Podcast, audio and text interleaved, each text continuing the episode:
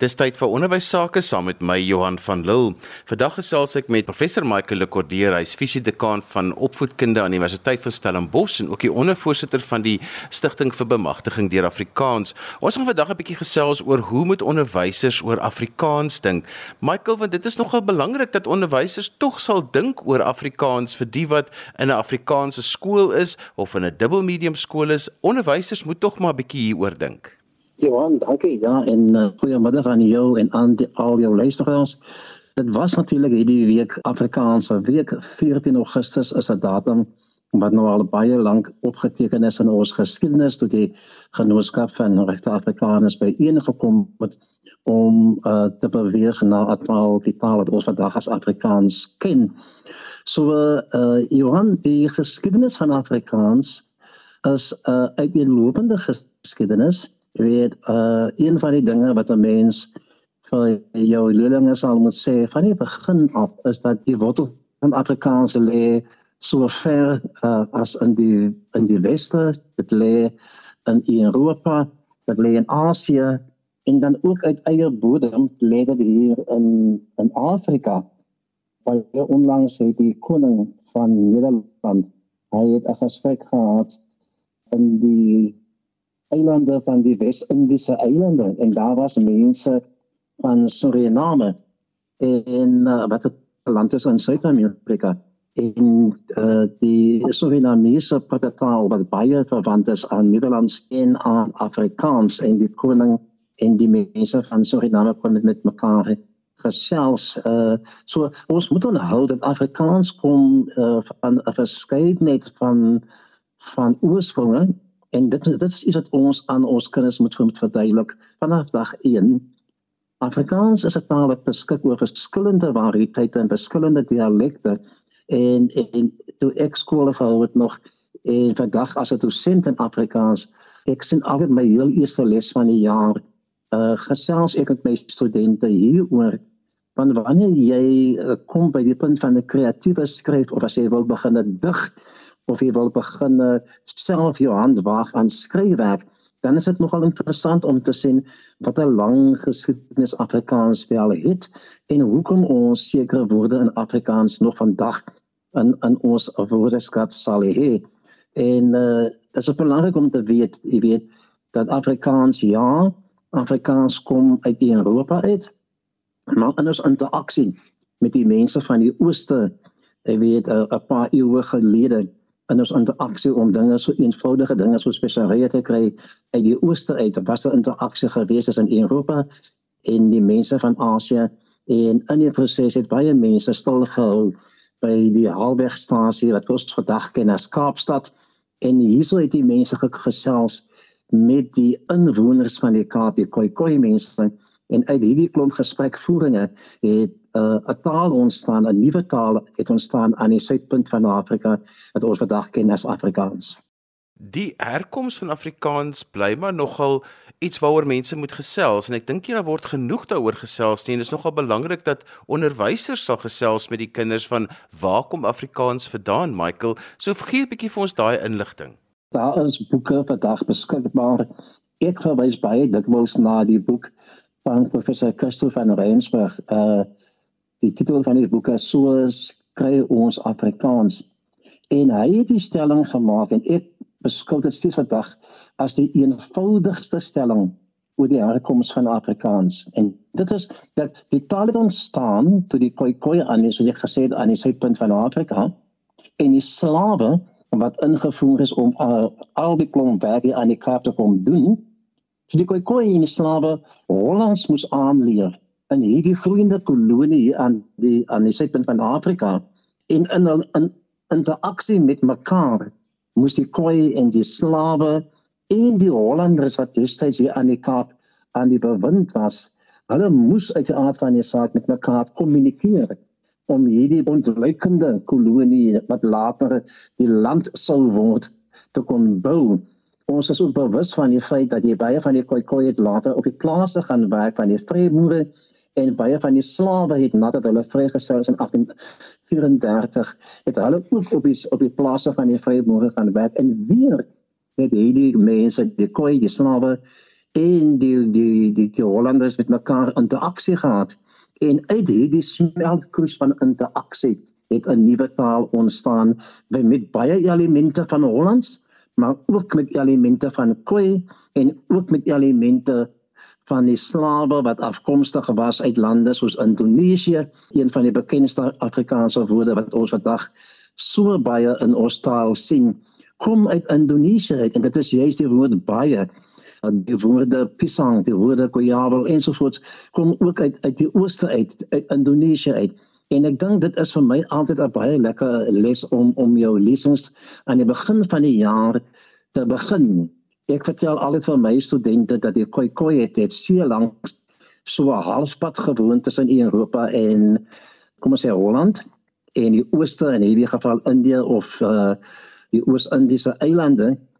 So uh, op so 'n skip kon kos en water tog nie so hou op sulke lang reise nie en die Kaap Tafelbaai Saldanhabaai was 'n 'n 'n baie gunstige halfpad halwegstasie. Die koei was vir boere, so hulle kon vars vleis verskaf, maar die koei het ook toegang gehad tot water wat vanaf Kirstenbosch afgevloei het teen die teen die berge af.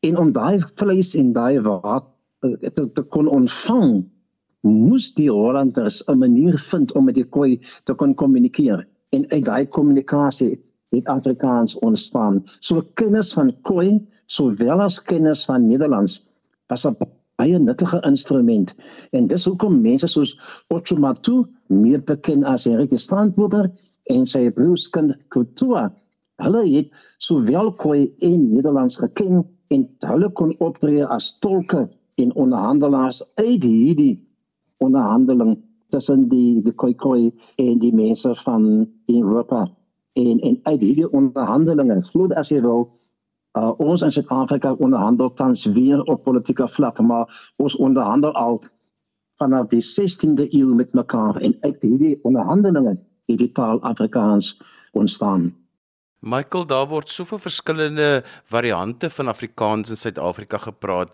Hoe moet onderwysers hieroor dink? Johan, onderwysers wil ek wil eers sê ons moet ontspan oor die feit dat Afrikaans verskillende variante variante het. En daai verskillende variëteite van Afrikaans het oor baie eeue heen daartoe gelei dat ons Afrikaans vandag het. En Afrikaans oor hierdie kultuurwyke uh verskynheid onder albei die vergelyking dat die spesialrye wat van wat vanaf Maleisië uit die ooste uit aan gekom het hier in die Kaap het nie net die kos van die Kaapenaars aangenaam gemaak nie maar daai speserye het ook ons taal kom staan en verryk. En dis hoe ons dit moet sien. As onderwysers moet ons nie die verskillende variëteite sien as iets negatiefs nie maar ons moet dit sien as iets moois ons moet dit sien as 'n bate en ons moet dit sien as iets wat ons huidige Afrikaanse taal nie net kan aanbakker nie, nie net kan uh, mooi maak nie, maar dit kan inderdaad ons taal uiteindelik uh help om selfs uh te oorleef. Want hoe meer ons van die hierdie variëteite en hierdie verskillende kultuurbydraes in Afrikaans opneem, natuurlik binne konteks hoe meer harte gaan ons steel. Want as jy koi koi en as die afstammelinge van die slawe en as al die verskillende mense van Suid-Afrika as hulle om hulle taal ook in, in Afrikaans te erken, gaan dit hulle net so veel lief maak vir Afrikaans en dit moet ons nooit vergeet nie. En en en daarom wil ek vir onderwysers sê moenie uh probeer om die variëteite van Afrikaans uit Afrikaans uit te gooi. Ek het gesê wat ek sê moenie dat jou rooi pen in die pad staan van die oorlewing van Afrikaans nie. As jy sopas ingeskakel het, jy luister na ons in die onderwys saam met my Johan van Lille. My gas vandag is professor Michael Lekordeer en hy is fisiedekaan van opvoedkunde aan die Universiteit van Stellenbosch en ook die ondervoorsitter van die Stichting vir Bemagtiging deur Afrikaans. Ons gesels vandag bietjie oor hoe moet onderwysers dink oor Afrikaans. Michael, wat is die toestand van Afrikaans in ons skole op die oomblik? Johan, my inligting en my ondervinding is en ek kan vir jou sê ek was die afgelope 2 weke het ek as deel van ons skoolbesoekprogram hier by die Stellenbosch Universiteit het ek 'n hele klompie skole gaan besoek. Ek het klaskamers besoek, ek het na kinders geluister, ek het na onderwysers geluister, ek het na lesings geluister. Ek kan vir jou sê dat die toestand van Afrikaans in ons skole is baie goed. Dit het my baie opgewonde gemaak. Ek het ook in sommige skole baie goeie Afrikaans waargeneem. Ek het in sommige skole het ek 'n uh, variëteit van Afrikaans waargeneem, maar in die meeste gevalle het ek 'n uh, entoesiasme en 'n liefde vir Afrikaans waargeneem. Kom ek gee vir 'n ander voorbeeld Johan. Ek het onlangs my eie klas geneem om te gaan kyk na die opvoering van uh, Adam Small se drama Map Jacobs in die Kunstakademie in Kaapstad op 'n Saterdagmiddag. Nou die teater was stampvol. Hulle moes al die stoele in die teater insit. Die studente was daar, die matrikulante van reg oor die Weskaap was almal in hierdie teater. Ek sê weer, op 'n Saterdagmiddag toe die Stormers op Nieuweland gespeel het, het ons 'n teater vol gepak vir Afrikaans. En die entoesiasme wat ek daar gesien het van ons jong mense vir Afrikaans, die moeite wat onderwysers doen om Afrikaans aan ons kinders te ontsluit ook in die verskillende variëteite want onthou nou Map Jacobs is geskrywe in Kaapse Afrikaans. Dit het vir my moed gegee dat uh die die stand van Afrikaans in ons skole op hierdie stadium is baie goed. So Michael, moet ons gesels oor die verskillende variëteite en ook aan standaard Afrikaans wat tog nou baie bespreek word op die oomblik.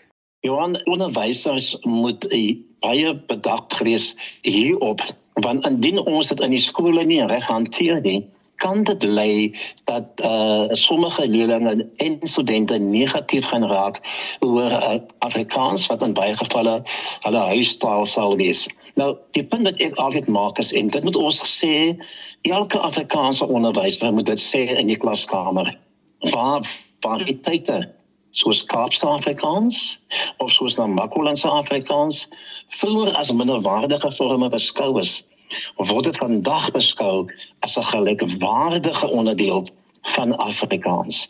So die sterrend standaardtaal beteken nie noodwendig dat dit dit is 'n meer korrekte vorm van die taal nie, maar soms moet ons almal van dieselfde bladsy kan sing. Waarvoor benodig ons 'n standaardtaal vir die hoë funksies? Stel jou voor die verwarring vir 'n dosent as 'n onderwyser as almal eksamens skryf in sy eie dialek. So ons benodig ook 'n standaard taal. So om af te sluit of om aan te sluit, standaard Afrikaans is nodig. Maar variëteite kan ons Afrikaans uh verbeter. Kan ons Afrikaans verryk en dit bied vir ons 'n baie interessante maar ook 'n baie belangrike ontwikkelings uh, geleentheid in Afrikaans. So ja, standaard Afrikaans is baie nodig. Maar die verskillende variëteite van Afrikaans is net so belangrik en moet ook gekoester word. So Michael, vir so baie mense wil tog maar graag Afrikaanse onderwysers word of wil in hulle moedertaal Afrikaans skool hou. Is daar nog genoeg opsies vir sulke mense? Johan, kom ek sê wat wat gebeur by ons hier by Stellenbosch? Oor die afgelope 15 jaar het ek gevind het my klasse in getalle toegeneem. Met ander woorde, ek sien meer jong mense wat uh na Stellenbosch kom, die opvoedkundige fakulteit. En hulle sê vir my hulle wil Afrikaanse onderwysers wees. Want hulle het 'n liefde vir hierdie taal van hierdie studente kom uit die voorstedelike gebiede. Sommige kom uit die suidelike voorstede. Sommige kom van die platteland, die Weskus, die Boland en sommige kom vanaf die vanaf Namakoland, vanaf die Noord-Kaap. en baie kom van die Kaapse vlakte. So ek sien verskeidenheid jong mense en almal het die een ding in gemeen en dis hulle taal. Hulle huistaal Afrikaans. En en en, en ek kan vir jou sê dat ek 'n ongelooflike uh verrykende oomblikke in my klaskamer met die verskeidenheid van studente en met die verskeidenheid van idees en hoe hulle die taal sien vorentoe gaan en wat hulle dink hulle wil doen uh oor hoe hulle Afrikaans wil uitbou. Ek het onlangs die laaste 2 weke het ek lesings bygewoon van studente in die verskillende skole en dit, dit was vir my verblydend om te sien hoe ons jong mense die tegnologie inspann om Afrikaans na die klaskamer toe te, te vat. En ek het die een klaskamer gesien waar die leerlinge in die klas nie absoluut die lesse waardeer het nie en nie absoluut opgewonde daaroor gepas nie. En die meeste van die leerlinge het na die tyd vir ons studente 'n uh, applous gegee en gesê julle het die wyse hoe ons oor Afrikaans dink geheel en al kom vernuwe. So Johan, ek is hoopvol. Ek het baie hoop vir ons taal en ek het baie hoop vir vir studente wat Afrikaans onderwysers wil word. Ek weet ook dat daar word baie Afrikaanse onderwysers opgelei by die IBK die naby Stellenbosch by ander kampusse soos in die Noordwes Universiteit en by by Tukkies en ook by Koffsies. Ek het kollegas daar. En en die ervaring by by daardie kampusse is almal dieselfde. So Johan om op te som, daar is baie uitdagings vir Afrikaans, maar as ek alles moet saamvat in 'n nette dop, sal ek sê ek sien baie hoop dat die onderrig van Afrikaans in ons skole gegee die gehalte van jong mense wat tans opgelei word. Michael net ter afsluiting, jy's betrokke by die stigting vir bemagtiging deur Afrikaans. Vertel net vir so 'n klein bietjie van wat se werk doen die SPA? Die SBA stigting van die bemagtiging van Afrikaans Johan, hulle bevorder Afrikaans op die voetsool vlak soos ons sê. Net gister het belle onderwyser my hierso uit die paralit. Dit is 'n meneer Jacobs. Hy gee skool hier in kom ek sê 'n minder gegoede skool, maar daar's duisende kinders. En hy sê vir my die kinders is almal Afrikaans sprekend en hulle gaan luister mooi hierna. Hulle gaan 'n leespiknik hou op 25 Augustus. En die SBA gaan ons hulle te help. Ons gaan ons mense so intoneem. Ons gaan vir die graad R kinders voorlees. Ons gaan leesboeke versprei in die skool en ons gaan net eenvoudig uh die liefde vir Afrikaans aanpak. So die FK die die die, die, die SBA so sou wie leesprojek geweldig uh uh gewild in ons skole. Uh die SPA se wiskunde projek het vir 'n lang tyd uh baie goeie werk gedoen in ons skole.